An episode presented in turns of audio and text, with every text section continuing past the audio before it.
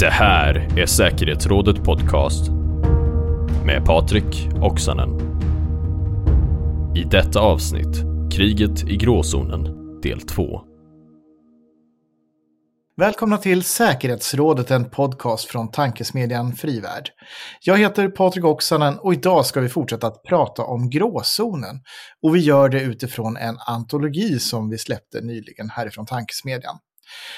Du kanske rent av har lyssnat på vårt förra avsnitt då vi pratade om vad gråzonen är och vad Sverige kan göra för att försvara sig med två av kapitelförfattarna. Med mig idag har jag två helt nya författare med mig på plats här i podden.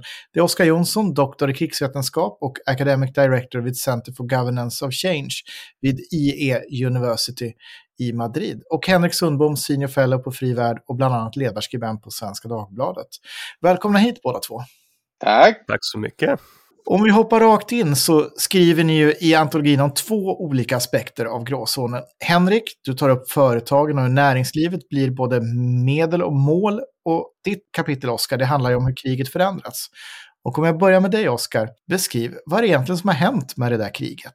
Jo, nej men det har väl hänt eh, egentligen massa saker och jag ska försöka vara lite destillerad kring vad som har hänt. Alltså en av de sakerna som jag försöker Eh, driva, driva fram i mitt kapitel, det handlar om att mycket av det som vi förstår som krig och modern maktkamp kommer snarare att samhället har förändrats än att militärteknologin har förändrats. Alltså, Eh, visst är våra stridsvagnar idag bättre än de vi hade på 80-talet, men det är fortfarande i princip eh, pansar på band med en kanon.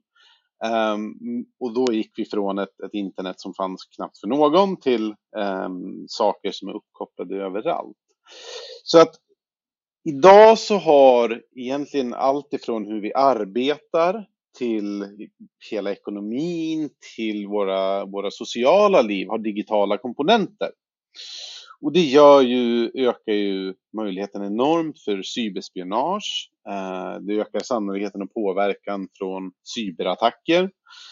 Ehm, men också innehållet av information. Idag är det ett fåtal algoritmer, Googles, Facebooks, Twitter som styr vad vi ser och hur vi förstår världen. Snarare än vad det kanske var för 40 år sedan när det var stora mediestationer mer än någonting annat. Och det gör såklart att den moderna stormaktskampen migrerar dit. På samma sätt som att du i privata sektorn kan tjäna massa pengar genom sökmotoroptimisering så sitter ju strateger och funderar hur sökmotoroptimerar vi våra påverkanskampanjer?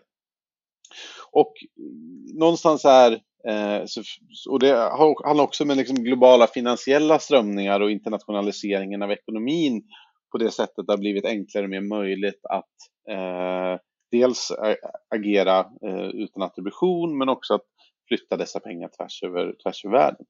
Så att någonstans handlar det, i, rent destillerat så försöker jag säga att andra påverkanssätt än de militära har blivit mycket mer effektiva än vad de var eh, och det på något sätt skiftar balansen mellan militära och icke-militära och mycket av det som vi ser som vi kallar gråzon eller hybridkrigföring det handlar om en påverkan av icke-militära medel i vad man skulle uppfatta som en fredstid. Eh, att det, man kan nå mycket större påverkan med det idag än vad man kunde då. Ja, konflikterna förändras hör vi Oskar beskriva här. Henrik, du pratar ju om näringslivet i ditt kapitel och du börjar med 5G och Huawei och, och det beslutet från, från Sveriges sida. Hur, hur tycker du att vi kan förstå bråket kring den svenska 5G-upphandlingen i det här konfliktperspektivet? Jag, jag, kommer dit, men jag tänkte bara jag skulle få haka på Oscar eh, först innan vi hoppar till eh, Huawei och, och 5G. Eh, för att jag tycker att det, det är eh, jätteintressant och viktigt det som Oscar säger att, att eh, konflikterna har förändrats i takt med att samhällena har förändrats. Eh, och en sån samhällsförändring som har skett eh, parallellt med det som Oscar beskriver och det är naturligtvis att väldigt mycket av det som vi för 30 år sedan eh, hade i offentlig drift numera sker i, i privat drift. Det vill säga eh, kritisk infrastruktur som tidigare har varit en eh, statsangelägenhet drivs av eh, företag. Eh, och det gör att eh, får man någon typ av hybridattack eller liksom ett, ett angrepp mot den kritiska infrastrukturen så är det näringslivet som är där och tar smällen. Och då behöver det också finnas en beredskap där. Um, och och det är liksom inte, det är inte en myndighet utan det kommer att vara ett företag som, som drabbas av det. Eh, så att eh, privatiseringar som, som jag själv inte har någonting emot har den baksidan att, att det också blir en exponering mot konflikter. Eh, och det kommer att bli än mer av det med mer totalförsvarstänk eh, och näringslivet kommer att vara tvungna att tänka mer på säkerhetspolitik än vad man har gjort förut. Eh, och det är också där naturligtvis man kommer in på på 5G och, och Huawei. Så när vi nu bygger upp den här typen av, av infrastruktur så måste vi vara medvetna om att det här handlar om så väldigt mycket mer än att vi får snabbt internet i våra telefoner. Det här är en infrastruktur som kommer påverka hela våran samhällsstruktur. Och då måste vi också ha ett rigoröst säkerhetstänk eh, och eh, det är orimligt att släppa in aktörer eh, där man vet att, att en eh, regim som den kinesiska har väldigt stort inflytande. Eh, och eh, vad som har hänt då, som jag skriver om i, i inledningen av mitt kapitel i, i antologin Gråzon, det är just hur eh, Huawei och eh, den kinesiska regimen har lyckats förmått Ericsson att agera som en budbärare inom det svenska systemet. Det vill säga genom att eh, direkt hota med att, att eh, om de kinesiska företagen inte får medverka i uppbyggnaden av det svenska 5G-nätet så kommer det att drabba svenska teknologiföretag i Kina, eh, vilket i praktiken innebär Ericsson. Eh, och det här är ju en jättemarknad för Ericsson och de är ju också väldigt måna om att kunna ha ett samarbete, för Huawei är ju inte bara en konkurrent, det är också en samarbetspartner. Ehm, och, och de är ju naturligtvis ehm, rädda att förlora viktiga affärer i Kina som en, en jättemarknad. Eh, och då ringer man upp eh, ansvariga ministrar och säger att eh, hörni, nu måste ni tänka om för annars kanske inte vi kan ha kvar vår verksamhet i Sverige för att flytta huvudkontoret och alla våra skattepengar.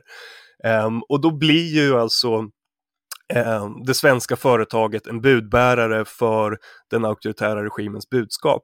Och det blir alltså ett skolboksexempel på uh, hur näringslivet utnyttjas och görs till nyttig idiot i brist på bättre ord och, och det betyder ju inte att man är en idiot som att man är korkad utan att man, man utnyttjas um, i, i uh, informationskriget eller gråzonen. Ja, och det här knyter ju verkligen in till, till alltså hur konflikterna förändras. För att någonstans så följer ju eh, liksom, konfliktens karaktär följer ofta den ekonomins karaktär.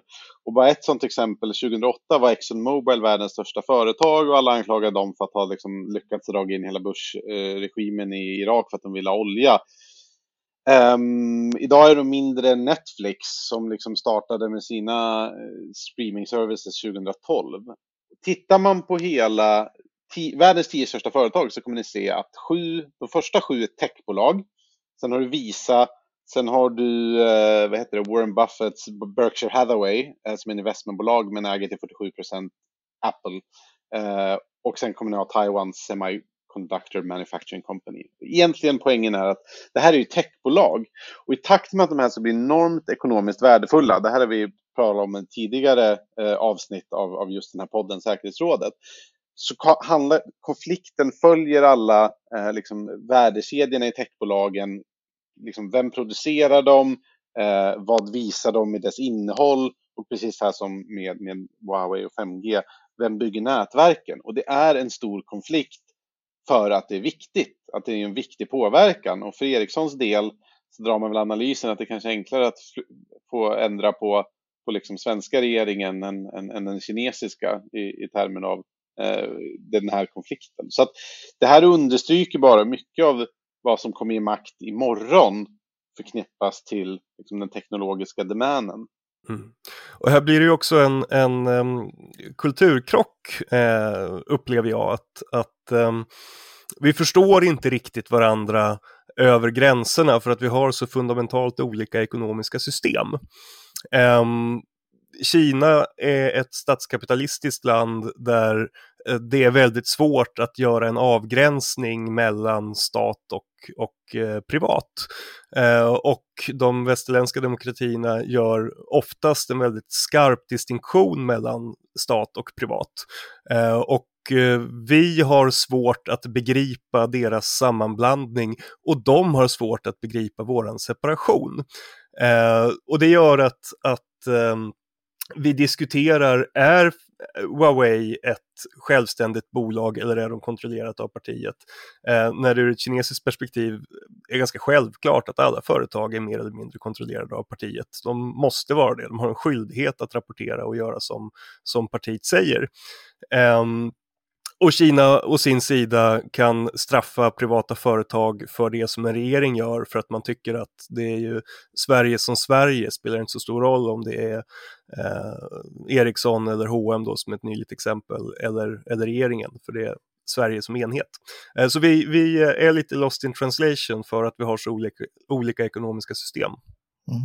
Lost in translation, en förändring av ekonomin som transformeras och, och skapar nya värdekedjor och en, en ny ekonomisk logik. Eh, och en konflikt som, som förändras i sin karaktär. Om vi lägger ihop de här sakerna och, och egentligen vad vi pratar om då är ett mycket mer komplext säkerhetsläge. Eh, har, har, tror ni att svenska företag, om vi tar svenska börsbolag, har de förstått vad vi är inne i för tid? Eh, eller om jag uttrycker lite annorlunda, hur, hur god är motståndskraften inom näringslivet? Mot att bli spelad och, och hamna i den här nyttiga idiotrollen som du pratade om, Henrik. Va, va, vad säger ni båda? Ja, nej men ni, jag, jag, kan väl börja lite snabbt, men jag tror att, så här, jag tror att man absolut förstår. Alltså så här, självklart sitter Ericsson och, och, och följer ända sedan liksom 2018 då amerikanska, amerikanska regeringen började säga att det här med Huawei är en jättedålig idé för Europa, låt oss försöka förbjuda det. Eh, så har man ju förstått att det är väl självklart det konsekvenser. Så jag tror att det finns absolut inte något problem med, med hur man förstår. Sen är problemet att eh, alltså så här, eller så här, näringslivet har ju ofta tänkt, tänkt liksom säkerhetspolitik. Men problemet är ju att det de fundamentalt, alltså den incitamentstrukturen på ett privat bolag, det handlar om att eh, liksom förvalta värde eh, på sin aktie på kort och ibland lång sikt om man tänker lite bra. Um, och det är precis i motsats ofta till, till eh, liksom att bygga resiliens och höja liksom, säkerheten. Det kostar pengar och det är ingen tydlig direkt avkastning. Och sen så ju mer liksom, genomtänkt företag du har, desto mer kan du förstå att eh, vi kanske också måste försäkra oss mot en brand innan branden är här. Vi måste ha liksom en, en, en omvärldsanalys och vi behöver ta kanske svåra val eh, tidigare innan liksom det kommer, även om det, även om det är en kostnad. Men jag tror att det korta svaret är att jag tror att man förstår, men jag tror att incitamentsstrukturen har varit någon helt annan än att eh, liksom förbereda sig för säkerhetspolitiska kriser. Jag tror att man ska vara ganska försiktig med att generalisera allt för mycket här för att jag tror att det finns en väldigt, väldigt stor skillnad mellan olika bolag och jag tror att det är väldigt branschberoende. Eh, och det, alltså ju, ju eh, hårdare verksamhet, desto större medvetenhet finns det om de här frågorna och det är klart att, att eh, företag som är inne i försvarsindustrin, ja men de gör de här analyserna varje dag och har liksom eh, en analysförmåga som är i, i eh, klass med vad man gör på eh, inom, inom statsapparaten och universitet. Det, det är nog ganska självklart. Medan man i, i eh, mjukare sektorer eh, nog är lite tagna på sängen. Eh, och jag tror att, eh, ta till exempel Hennes Maurits då, som ju, som ju verkligen har hamnat i skottgluggen för Kina på sista tiden. Jag tror inte att eh, man inom, inom eh, klädindustrin alls har en vana av att behöva tänka på de här sakerna därför att det har varit så långt bort från, från kärnverksamheten. Sen finns det naturligtvis undantag, eh, sektorer och företag där man tycker att det borde ha funnits en mycket skarpare geopolitisk eh, analys som uppenbart har saknats. Eh, och där tänker jag till exempel på svenska banker i Baltikum som eh, inte verkar ha begripit alls hur de har gjort sig till, till eh, verktyg både för eh, ekonomisk brottslighet och, och eh, statsintressens eh, antagonistiska verksamhet. Eh, och det, det är ju ganska eh, oroande då att alltså, även en sån sektor inte har förmått göra analysen. Eller också kan jag tänka mig, eh, det finns ju andra exempel på bolag som gör analysen men som eh, faktiskt inte har några större problem med att springa främmande makts ärenden. Mm. Eh, det har vi också exempel på. Nej men bara, bara, bara knyta in det för att Alltså så länge svenska banker i Baltikum inte blir sanktionerade i USA eh, och blir de fällda i Europa så är böten så, så larvigt låga. Så att så här, incitamentstrukturen att tvätta massa pengar för ryska oligarker Eh, alltså den vinsten kommer vara större än bestraffningen de får om de inte åker dit ordentligt, vilket man egentligen bara gör i USA. Och så länge den grundläggande incitamentstrukturen ligger fast, då är det tyvärr, och det är väl det bara så medskick liksom för regeringar, jo, men det måste vi se allvarligt på. Och jag tror, um, jag tror, bara för att lägga kring det här, jag tror till exempel ett företag som Ericsson har en fantastisk liksom, omvärldsanalys, säkerhetspolitisk analys, förstår precis vad som händer. Men sen är frågan, vad ska de göra med den, den informationen? Alltså, eh, så här, svenska regeringen har liksom ingen, ingen idé hur man ska eh, få ut en svensk beläggare från Kina. Eh, ett enskilt företag som är mycket mindre, liksom, vad ska de göra? De har stora inkomster i Kina. Ehm, det, är lite, det är svårt för dem, även om de förstår precis, alltså, vilket jag tror, de förstår ganska bra vad det är som pågår. Vad ska man göra med den informationen? Det är svårt för hela samlade EU att påverka Kina i något avseende. Så det är väl bara för att höja komplexiteten lite. Henrik, du, du var inne på det här också med eh, andra eh, företagsledare som, som kanske inte har något problem att dra slutsatser som kanske är mindre lyckade. Du tar upp i ditt kapitel Stena-koncernens vd Dan Sten Olsson och ett telefonsamtal. Kan du berätta mer om det och, eh, och vad du tänker kring det? Ja, men det här var ju då i samband med, med Rysslands illegala annektering av Krim där eh, Olsson eh, ringer upp eh, Jan Eliasson som då var på eh, FN för att eh, förmå FN och, och Sverige att ehm, eh, helt enkelt eh, byta fot i Krimfrågan och, och acceptera att Ryssland tar det. Eh, se till att sälja Se till att sälja Krim dyrt till ryssarna för de kommer ta det i alla fall eller någonting sånt där säger han. Um, och det där kan man ju liksom tycka är alltså, så, lite oförargligt eller lite gaggigt eller sådär. Men, men det ska ju sättas i, i relation till eh, Stena-koncernens verksamhet som ju har gjort oerhörda pengar på att frakta rysk olja och som eh, var i stånd att inleda en satsning i Svarta havet som, som kom av sig på grund av, av eh, Krim. Eh, så att där, eh, där tycker jag väl att det är mer ett sådant exempel där man eh, eh med öppna ögon ser vad som händer och eh, som det ter sig eh, tar Rysslands parti för att det är det som, som gynnar profiten. Eh, och det är ju väldigt olyckligt när, när, eh, när det är så. Men det ska man ju också komma ihåg att, eh, att eh, företag är i grund och botten människor och människor finns av alla möjliga kaliber och eh, åsikter och nyanser. Eh, och på samma sätt som det finns individer som sympatiserar med mindre sympatiska politiska strömningar finns det naturligtvis företagsledare som gör det. Eh, och ehm, ehm, vi ser företagsledare runt om i världen som, som är in och finansierar olika typer av extremiströrelser och som samverkar med, med auktoritära regimer på olika sätt. Och eh, man ska liksom inte vara naiv och tro att bara för att eh, marknadsekonomin är en positiv kraft i världen så är alla företagsledare eh, något slags eh, godhetsapostlar. Eh, de är människor precis som alla oss andra.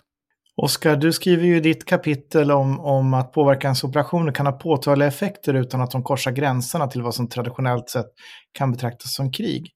Eh, och hur effektivt skulle du säga att den här typen av eh, elite capture, som man kan kalla det, som, som Henrik just beskrev, är egentligen? Ja, nej men det är så här, jag tror att det tyvärr om jag ska vara någon form av trist forskare ska vi säga, det är väl fundamentalt omöjligt att veta för varje liksom politik formas ju eh, liksom i, i en eh, liksom intensiv eh, konflikt mellan argument, mellan krafter eh, och mycket slump, så är det alltid, det är mycket slump. Um, men det är också en del av svaret att eh, man kan påverka sannolikheten med olika typer av medel. Eh, och jag tror att självklart så är det liksom, ska man påverka, eh, ta ett land som Tyskland till exempel, där Gerhard Schröder mest noterbart sitter i Gazproms styrelse, så tror jag att så här, ja, det är enklare att påverka Tyskland via att lobba tyskt affärsliv som är ganska proryskt än vad det är att försöka liksom skicka stridsvagnar till Tyskland, för det är ganska långt bort eh, och, och, så får det ganska uppenbara konsekvenser, vilket den här typen av saker gör. Här, Boris Johnson fick 1,8 miljoner för att spela tennis med en rysk Putin-kopplad oligarks fru. Eh, det kanske är, och det, här, det symboliserar ju för övrigt hela Storbritanniens liksom, inställning till, till eh, smutsiga ryska pengar. Eh, den typen av operationer, och, så här, det pågår vitt och brett och, och din fråga var hur effektiva är de? Ja, det vet vi inte. Vissa tar inte pengarna, vissa tar pengarna och sen är de ändå för sanktioner mot Ryssland och andra kanske eh, tar pengarna och agerar mot ryska sanktioner. Så att det är väl lite sådär eh, ja, men det är väl lite så här långskott med potential high rewards som alltid är värt att ta för att det kan ge jättestor påverkan och gör det det i 5 av fallen så kanske det är värt att man slängde ut 100 miljoner på tennismatcher för olika toppolitiker tvärs över Europa. Så att eh, svaret, och nu kommer det oakademiska svaret, det är tillräckligt effektivt för att man ska göra det på bred front. Mm. Hur många, ja, men jag tänker också att... Alltså... Jag bara flikar in här bara. Hur många, hur många stridsvagnar får man för en tennismatch med, med Boris Johnson om man sätter det i jämförelse? Ja, du ska nog ha en riktigt gammal och bäggad stridsvagn för att få den för 1,8 miljoner svenska kronor. Henrik, varsågod. Ja, men alltså det, det blir ju en fråga om, om bang for the buck, liksom, vad får man för pengarna och, och pengars värde är ju i ett sånt här sammanhang ganska relativt. Ehm, um, 1,8 miljoner från oligarken, ja men det kanske inte var mer än den där hundralappen som jag la på lunch igår uh, för mig, liksom, för att det handlar om vad man har på, på kontot. Uh, och då kan ju faktiskt utväxlingen vara um, god. Uh, men jag, kan, jag kan känna ibland också att den här diskussionen om att försöka uppskatta och mäta effekten av påverkansoperationer kan bli lite olycklig. Alltså det är lätt att man hamnar i det amerikanska träsket att säga att, jo men, eh, titta här, det var ju så lite, det, det här kan ju omöjligen ha påverkat eh, utkomsten i presidentvalet 2016. Eh, för att i kronor och ören räknat så, så var det inte så mycket pengar man la på annonsering och Trump-kampanjen var sannolikt inte medveten om det stöd man fick och sådana här saker. Men eh, det som man ser om man till exempel läser Müllerutredningen, det är ju att ett, man kan belägga att eh, ryssarna gjorde ohyggligt många olika aktiviteter i USA. Eh, och två, det fanns en tydlig intention att påverka. Eh, lyckades man påverka valresultatet? Kanske på marginalen, men det var sannolikt inte det som avgjorde till Trumps förtjänst 2016. Men intentionen fanns där och intentionen försvinner inte. Och de kommer att förfina sina metoder, de kommer att göra det bättre, de kommer inte att upphöra. Så genom att identifiera de här aktiviteterna så har vi också identifierat en intention och den kan jag tycka är viktigare än eh, att sitta och dryfta exakt vad resultatet var. Ja, jag vill, jag vill kanske eh, prova, liksom, eh, kanske, kanske pusha lite tillbaka där och säga att det påverkade på marginalen men avgjorde inte valet. Jag, det, jag vet inte, det är lite svårt. Alltså, det var ju 70 000 röster som avgjorde valet. Det är ju, det är ju ganska jämnt. Nej, men för att lägga till två saker till det Henrik säger, alltså vad som eh, forskning också har visat eh, är Junk news outperform real news. Att eh, så här, skräpnyheter eh, delas mer, får mer klick eh, och på det sättet tränger undan verkliga nyheter. Eh, gjordes en studie, studie i Michigan, valet 2016 kring det. Och sen kom det ut en ny som visar också att eh, information overload causes information avoidance. Alltså för mycket information gör att folk slutar söka information. Och det kan man ju ta och tänka på, ja, hur funkade liksom, ryska narrativ kring MH17? Det var 20 olika varianter som hände. Eh, det hade inte med att de skulle få jättemycket interaktion på Facebook främst, men att det kan få effekten att eh, folk ser så mycket att de blir trötta på det, sånt så mycket olika att det är jobbigt att gräva fram vad som är sant och vad som inte är sant. Så att det finns ju också icke not tydligt icke uppenbara effekter, även om propagandan kanske är junk och den inte har så mycket interaktioner och så stor spridning, eh, så mättar det en informationsdomän som, som får eh, folk då att inte söka så mycket information. Och mitt i det här, den här föränderliga värld vi är inne i med komplex med informationssamhället, påverkan och så vidare, så, så ska vi inte glömma bort att Sverige har intressen, alltså staten Sverige. Eh, hur, hur bred är kunskapen, skulle ni säga, i näringslivet om vad, vad som svenska intressen är? Och vad man då rimligen som, som till exempel börsbolags vd för ett svenskt börsbolag borde liksom eh, omfamna? Alltså hur, hur gott är det ställt i regeringen? Kan man också fråga om man ska vara lite kritisk. Alltså, eh, och det säger jag inte bara för att vara kritisk då, men, men alltså så här, eh, regeringen som, som ändå leder, eh, leder riket ska ta fram en nationell säkerhetsstrategi. Vi gjorde det 2017 och det är eh, liksom lite av en laundry list mellan allting man tycker är kul mellan att klimatförändringarna är dåligt till stora stater invaderar grannländer. Um, och det är ju så här, det är det främsta instrumentet de har för att skicka signaler inom hela liksom, den svenska statsmakten och till privata företag som vill försöka förstå var ligger våra nationella intressen.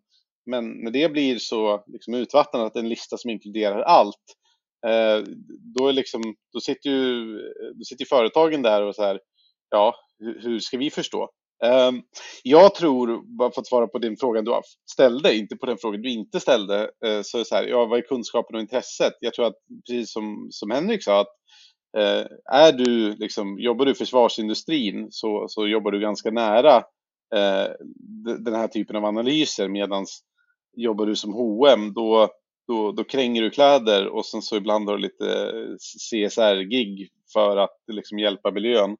Um, men du kanske inte tänker så mycket på liksom, geopolitiska konflikter och, och, hur man drar in i det. Tills nu, nu kommer man att börja tänka ganska mycket kring det här.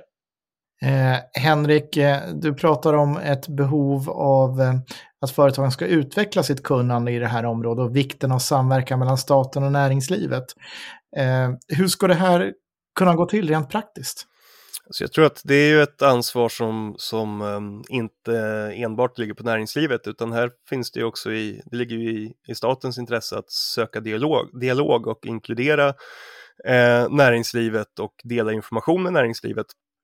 Men också att alltså, i, i den, till den dialogen hör att eh, näringslivet måste vara transparent med vad det utsätts för.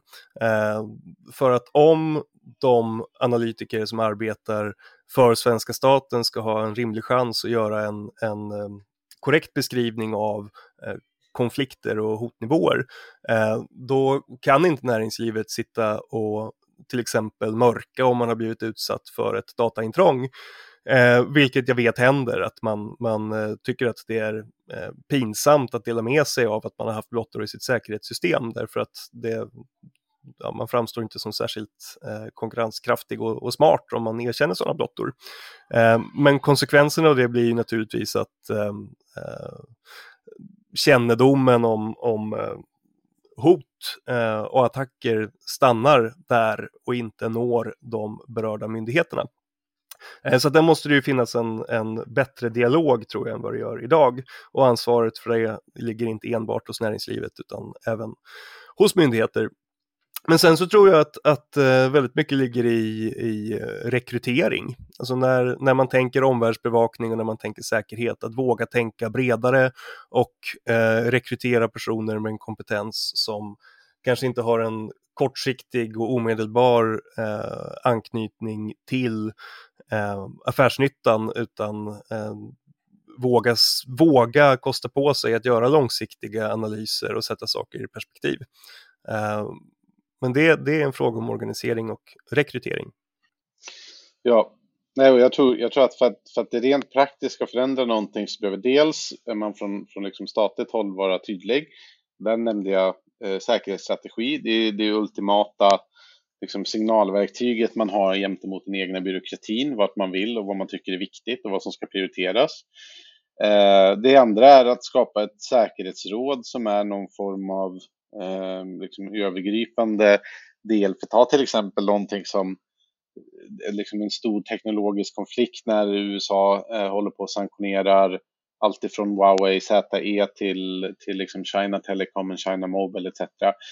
Eh, det här är ju någonstans blandning mellan vad UD pysslar med, vad underrättelsetjänsterna pysslar med och vad privata näringslivet pysslar med. Man måste ha någonstans där man kan sitta och prata om men vad vill Sverige och hur tänker vi kring det här? Så att, eh, dels styrning via säkerhetsstrategin och dels kontaktytor mot, mot regeringen. Men det tredje skulle jag säga, alltså det man kan göra från statligt håll om vi liksom, mot den här föreställningen att regeringen skiter i säkerhetspolitiken är ju att, um, lite som Henrik har gjort tidigare, väldigt, väldigt pedagogiskt förklara här är konkreta kostnader och konsekvenser om du inte eh, liksom, agerar kring det här. Alltså så här, så här kan desinformation drabba ett företag här har du ett konkret exempel, här är vad det kostade och här är vad du kan göra åt dem. Så att det finns ju en utbildningsinsats så, men då tror jag att man ska vara väldigt konkret i termer av kronor och ören. Att så här, ehm, tappar Ericsson eh, liksom sitt kontrakt i Kina så tappar de så här många miljarder. Eh, så här kan man göra annorlunda. Tiden håller ju på att rinna iväg för oss, men jag tänkte ge er en sista fråga till er båda två. Eh, föreställ er nu att ni hamnar i en hiss tillsammans med en börsbolags-vd eh, som känner igen er som, jaha, ni har ju pratat om det här med gråzon. Och som under den här hissresan ber om ert bästa råd för att stärka företagets förmåga att hantera gråzonen. Och hissresan varar inte mer än 30 sekunder. Ni har 30 sekunders attention-tid båda två. Vem vill börja? Frivärd har släppt en ny antologi som är väldigt läsvärd. Den heter Gråzon. Jag skulle rekommendera att du börjar där. Det var tio sekunder. Ja, sex sekunder ungefär. Mycket elegant. Oskar, varsågod. Nej, men jag skulle repetera det jag sa innan om att liksom söka kontakt mot regeringen. Men framförallt skulle jag säga att det finns kompetens för det här. Samarbeta med likasinnade partners och eh, det är alltid enklare att teckna en försäkring innan eh, liksom, företaget står i brand i en geopolitisk konflikt mellan Kina och USA. Ja, elegant. Du klarade också dina 30 sekunder. Den här stressade börsbolagsveden har nu fått med sig två stycken goda råd för att hantera gråzonen. Och eh, ni kan ju göra precis som Henrik Sundbom rekommenderade, skaffa er antologin Gråzon.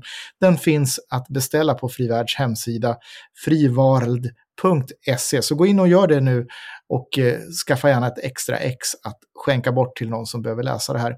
Tack så mycket båda två, Oskar och Henrik, för att ni var med oss idag. Tack, Tack så mycket. Och ni har lyssnat på en podd från Tankesmedjan Frivärd med mig, Patrik Oksanen. Dino Ekdahl har gjort bearbetningen och podden finns där poddar finns. Prenumerera gärna så att du inte missar ett avsnitt. Och kom ihåg, Sverige är värt att försvara i gråzonen. Motståndet upphör aldrig.